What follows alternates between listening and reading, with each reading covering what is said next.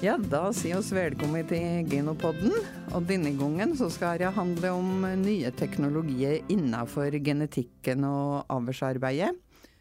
Eh, det blir jo selvsagt mest om det som brukes på ku og gris. eh, I betraktning eh, hva slags gjest vi har her i studio i dag. Det, men først så får jeg si at her i studio Mari Bjørke er Geno og en Rasmus Langri. Ja, Og eh, gjestene våre i dag, da, det er jo Ili Grindflekk. Velkommen. Du er leder for FoU-avdelingen i Nordsvin. Ja. Og tilsvarende for leder for avl og FoU i Gino, en Håvard Taje. Velkommen, Håvard. Takk for det.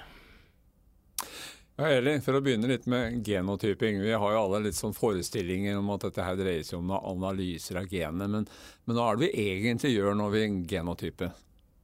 Det vi gjør når vi genotyper, det er at eh, først så må vi ta ei prøve til dyret.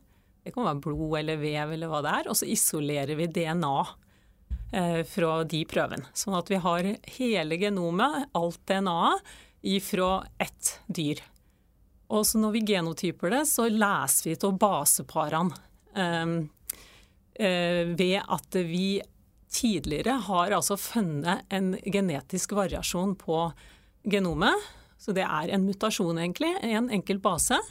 Ja, for disse basepara, eller disse basen, de er egentlig på en måte jeg kan si Det er genas alfabet. Det er de som på en måte er sentrale i Det stemmer. Eh, gener det består av baser, og det er eh, gener det, det gir jo et protein. Sånn at eh, det er jo proteinene som gjør at vi får de ulike fenotypene. Og DNA det består av et kjede av mange sånne baser etter hverandre. Så eh, på et eh, svinegenom da, så har vi jo typisk eh, eh, 30 000 gener. Jeg vil tro det er noe tilsvarende på storfe. Ja, det er, eh, det er i hvert fall det som har vært sagt, som er kjent. Ja. Ja. Hvor mange Men nå er det jo nokså vanlig å genotype ku og håvær.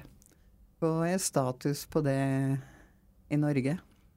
Ja, nå, nå har det vært veldig vekst i det. Vi begynte med å tilby produsentene å genotype dyra sine etter eget ønske.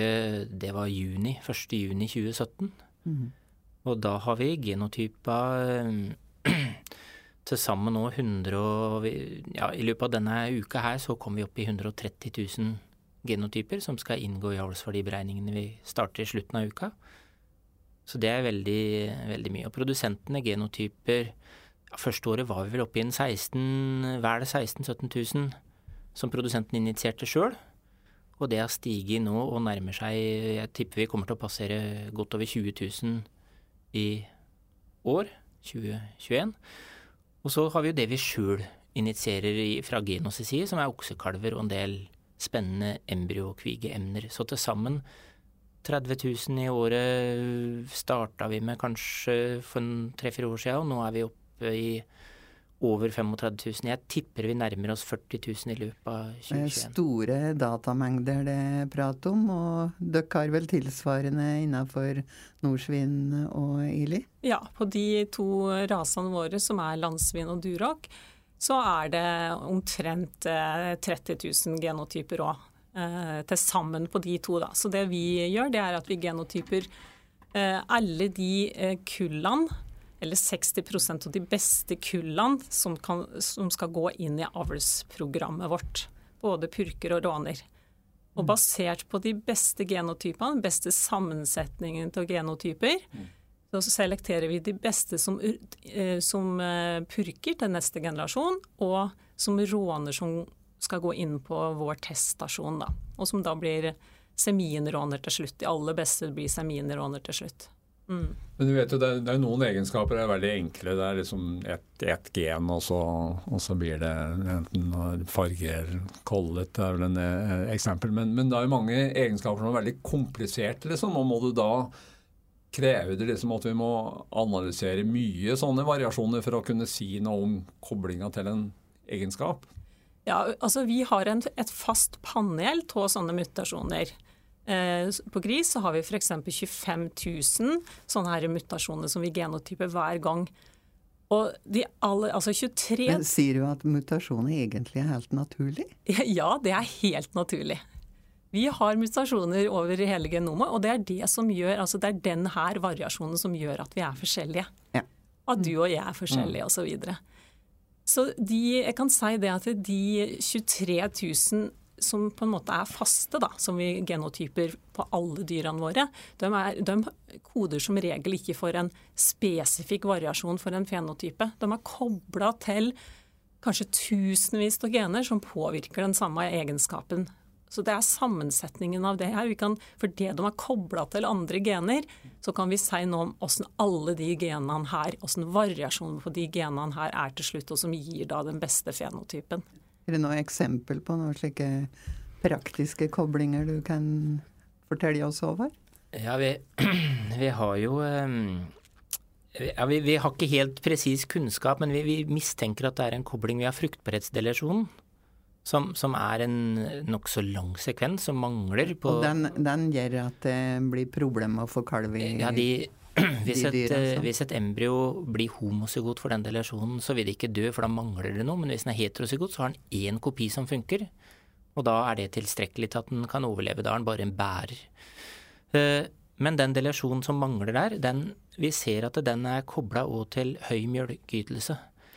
Og vi har ikke kunnskap om det er pga. delasjonen i seg sjøl, eller om det er noe, et gen for høy mjølkeytelse som sitter veldig tett innpå delasjonen, som vi da sier at det er kobla.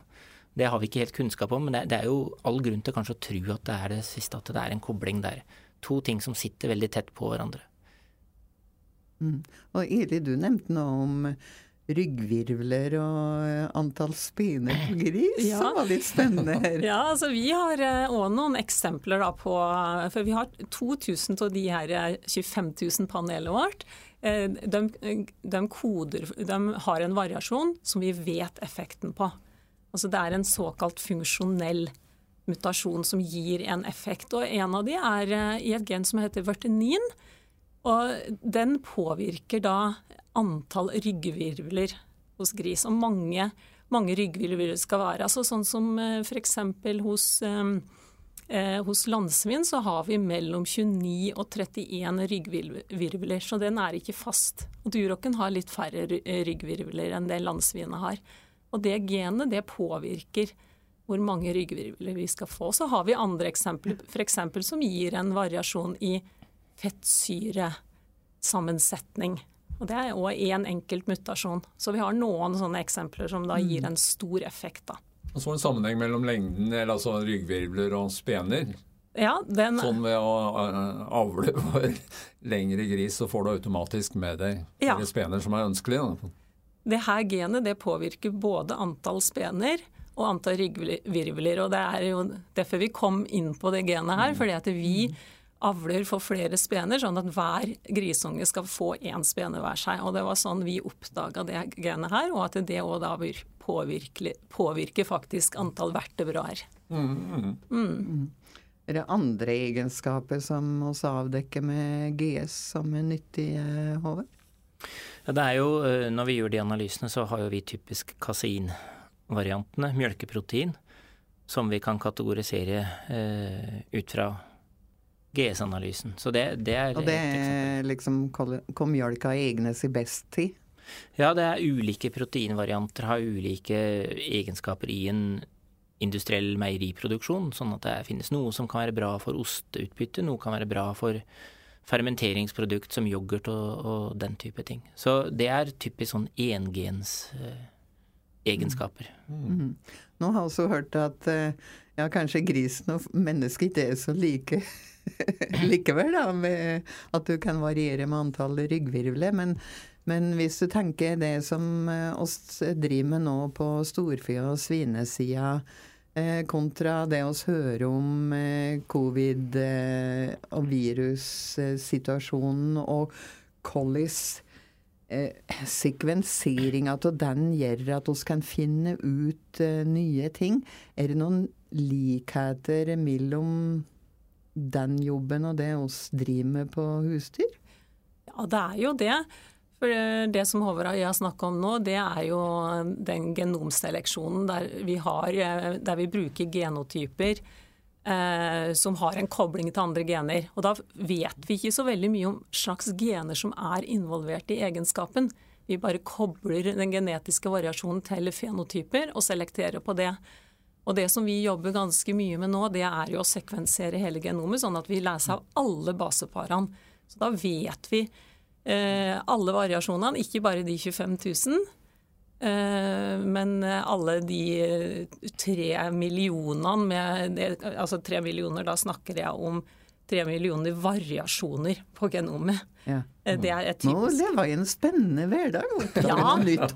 Det er veldig veldig spennende, for det som vi kan gjøre nå, det er å koble alle de her presise fenotypene med hele sekvensvariasjonen.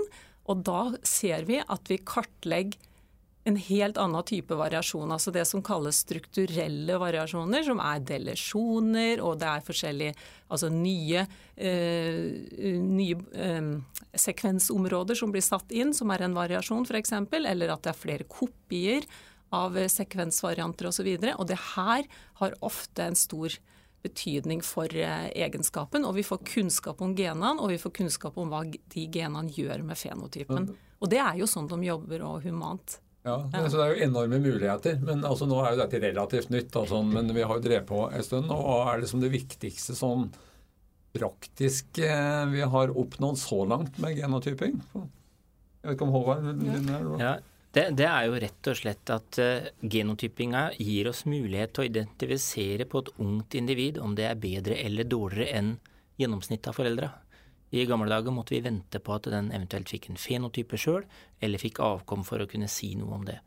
Mens nå kan vi bestemme det ganske, med ganske høy sikkerhet bare ut fra en genotype. Og det gjør jo at vi får helt annet verktøy og mulighetsrom innenfor seleksjon. Og det, Ja, For generasjonsintervallet, at du får ned det som på en måte speeder opp Ja, du, du gjør en riktigere seleksjon på et tidlig stadium, men da trenger, i hvert fall på storfesida, så trenger vi ikke å vente på avkomstgransking lenger, som var en veldig forsinkelse i, i eh, det å lage avlsframgang. tok, tok veldig lang tid å få ride på verdien av dyr, og nå vet du det så fort det er født og du får levert inn en eh, prøve. Ja, og da kan vi bestemme allerede da om dette er dette et eliteindivid. Er dette liksom eh, toppen av tusenvis av dyr? Er det de beste av noen få tusen? Ja, og da tror jeg faktisk at vi skal eh, dra ut i et fjøs og høre litt hvordan dette fungerer i praksis. For eh, genotyping er et kjent begrep for mange bønder eh, allerede. Og vår utegående reporter Turi Nordengen hun har vært på besøk i fjøset til Ole Bjørner Flittig på Lesja. Og han er en av dem som bruker genotyping aktivt. Og nå skal vi høre litt hvorfor han gjør det. Ja, hvem er du? Ja, jeg er Ole Bjørner, flittig 39 år, mjølkeprodusent på Lora i Lesja kommune i Gudbrandsdalen. Og nå står vi jo i fjøset ditt, og da ser jeg at du har ganske mange grønne merker i øra. Eh, genotyper du alle? Ja, jeg genotyper alle hodyr som kommer til verden, eh, i tillegg til de utskalvene som Geno vil eh, teste her. Eh, hvorfor eh, genotyper du alle? Er det noen grunn? Nei, jeg syns det er en god eh, investering i forhold til å få en god oversikt over eh, genetiske potensialet på dyret. Og mulighet til å selektere, bruke riktige ukser på hoddyrene eh, allerede ved første insemineringer som kvige. Så legger en et bedre grunnlag for eh, avlsarbeidet enn eh, enn å bare se på, på en eh, avlsverdi som, som er bygd på populasjonsindeksene. Uh, og hvis det er noe du liksom vil forbedre, hva er det, hva er det for noe? Jeg har jo hele tida ambisjoner med å- den optimale kua. Da. Eh, perfekte kua. Og det, det prøver en jo hele tida å gjøre ut på en mening om hva som er den optimale kua. Og for meg så er det ei ku som er i stand til å ta opp mye grovfòr, og, og er en god grovfòr eh, eh, eller effektiv grovfòreter som leverer mjølk i bytta med bra prosenter med fett og protein. I tillegg til at det er et djur som sitter under kua som er, er, er god, eller godt. og fungerer bra på robotdrift. Og i tillegg så er bein viktige som kua som skal bevege seg mye og gå, gå ute i beite og, og er løsdrift. Ja, da hørte vi en liten Ole Bjørner. Flittig var jo opptatt av å opp, finne den optimale kua. Og det er vel som grisebonden over vil ha den optimale purka. Og, eh, og, det skjer en rivende utvikling når vi prater om, om, om gen, eh, GS og genotyping. Men det, men det, er jo andre teknologier. og Vi Så vidt kom inn på dette her med CRISPR, den klipp og lim-teknologien som var veldig mye omtalt. Eh, for noen år siden, men den er fortsatt like aktuell. Er den det, Eli? Hva skjer på det området? Ja, den er jo like aktuell. Eh, og vi har jo flere prosjekter som går på det. og eh, sånn I første omgang så ser jo vi nå på det her som et eh, veldig viktig forskningsverktøy. I fremtida så kan det òg bli brukt som et avlsverktøy, men så, så langt som vi har kommet nå, så, vi, så, jobber vi med celler. Og der kan vi f.eks. det vi gjør nå, både i Geno og Norsvin, det er at vi bruker celler. Det kan være tarmceller, lunge, lungeceller f.eks. Eh, og så smitter vi de cellene med en eller annen eh, sykdom. En, en, virus eller en bakterie. Og så kan vi eh, bruke noe som heter gekko, altså at vi Eh, vi har et helt eh, bibliotek der vi kan eh, fjerne ett og ett gen. I hver enkelt brønn, kan du si, så fjerner du ett gen. Og helt til du ser at Helt til du ser Finn et gen som ja. faktisk påvirker en resistens på en virus mm. eller en bakterie, eller som gir et utslag at de cellene har en større overlevelse. Da kan vi finne gener som vi kan lete etter variasjoner, altså mutasjoner på, og bruke i avlsarbeid. Eh, utenom at vi gjør en eh, CRISPR. Mm -hmm. Så da kan du selektere for dyr som da er, har økt motstandskraft for, for en smittsom sykdom? Altså enten, ja. ja. Eller det kan nå jobber vi f.eks. med E. coli på gris. Ja. Mm og, ja. Håvard, det jeg hører nå, er på en måte at det blir mindre artsforskille.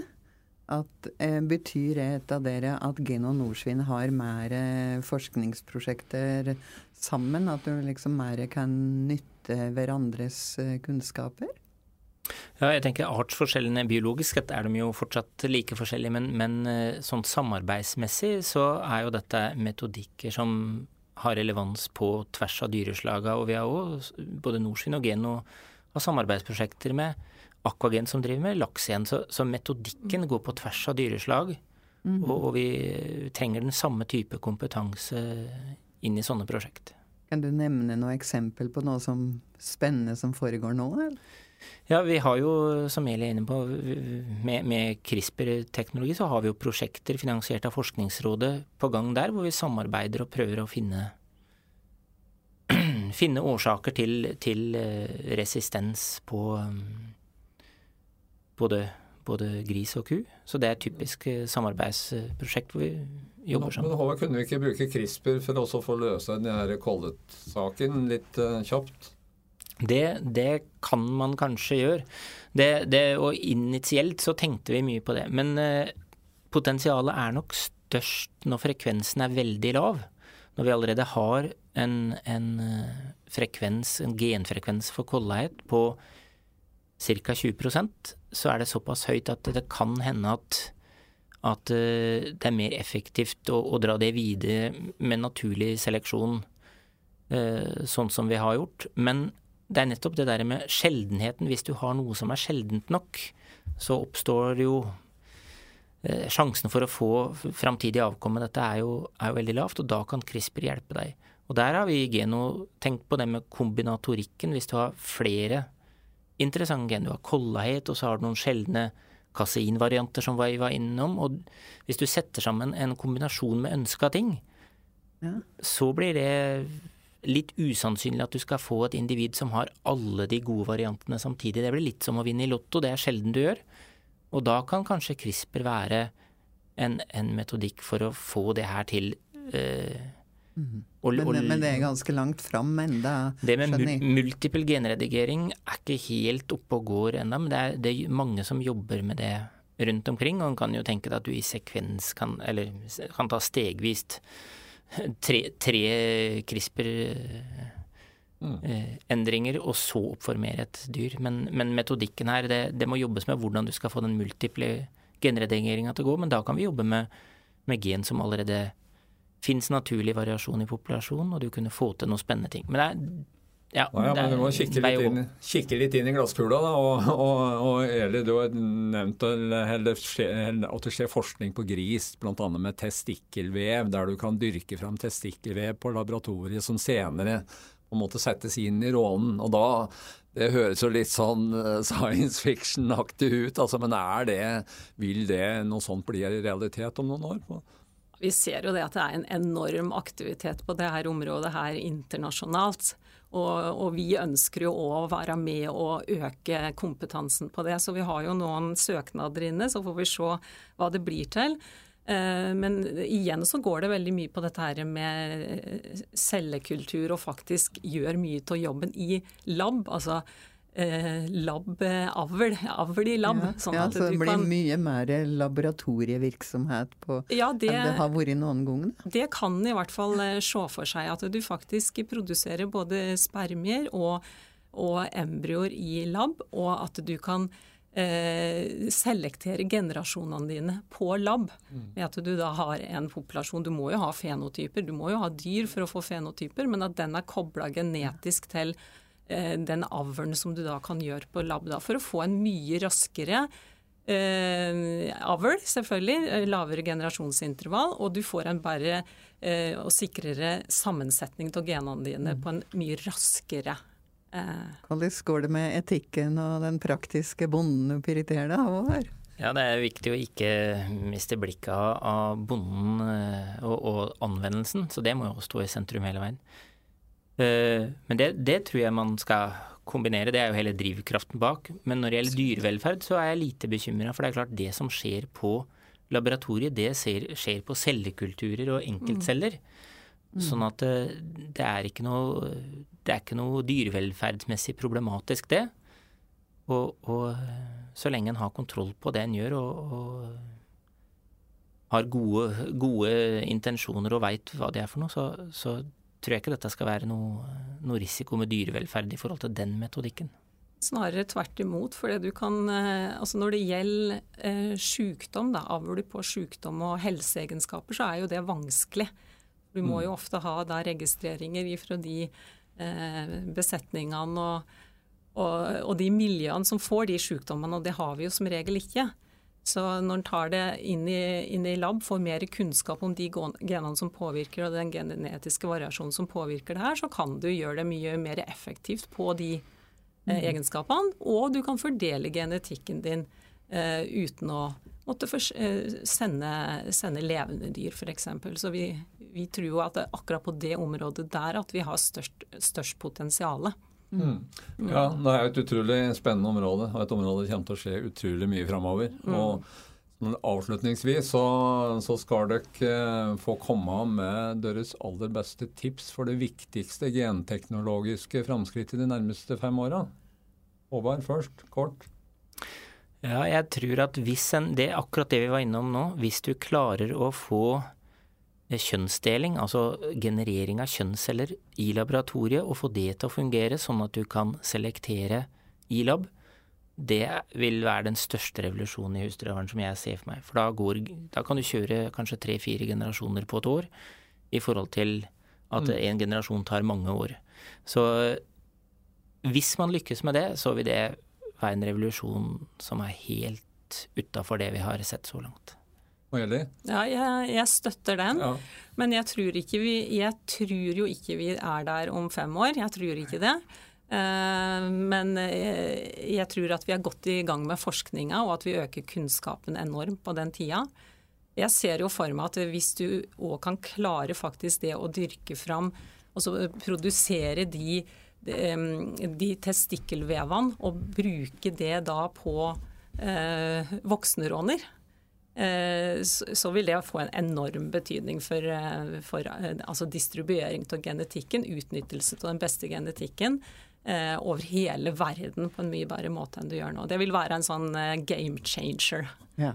Det er jo et kjempespennende område som vi helt sikkert må ha flere genopodder om, Rasmus. Det er nok ingen tvil om. Ja, og, Men nå må vi nesten slutte for i denne gangen. Og takk Otto Ile Grindflekk og Håvard Taje som har geleida oss gjennom denne teknologiens nye vidunderverden. Og takk til dere som hørte på. Neste Genopod kommer første onsdagen i mai, og gi oss gjerne innspill om det er ting du ønsker å høre der. Du finner Genopodden på alle vanlige pod-apper, og du finner den selvsagt på Genos hjemmeside. Og om dere som lytter på og driver med NRF eh, blir enda mer nysgjerrige, så må vi minne om at det går fortsatt an å bestille genotyping med rabatt til og med 11. april. Det var dagens reklame. Dagens reklame, ja. Lykke til med god genetikk enten du driver med det ene eller andre husdyrslaget.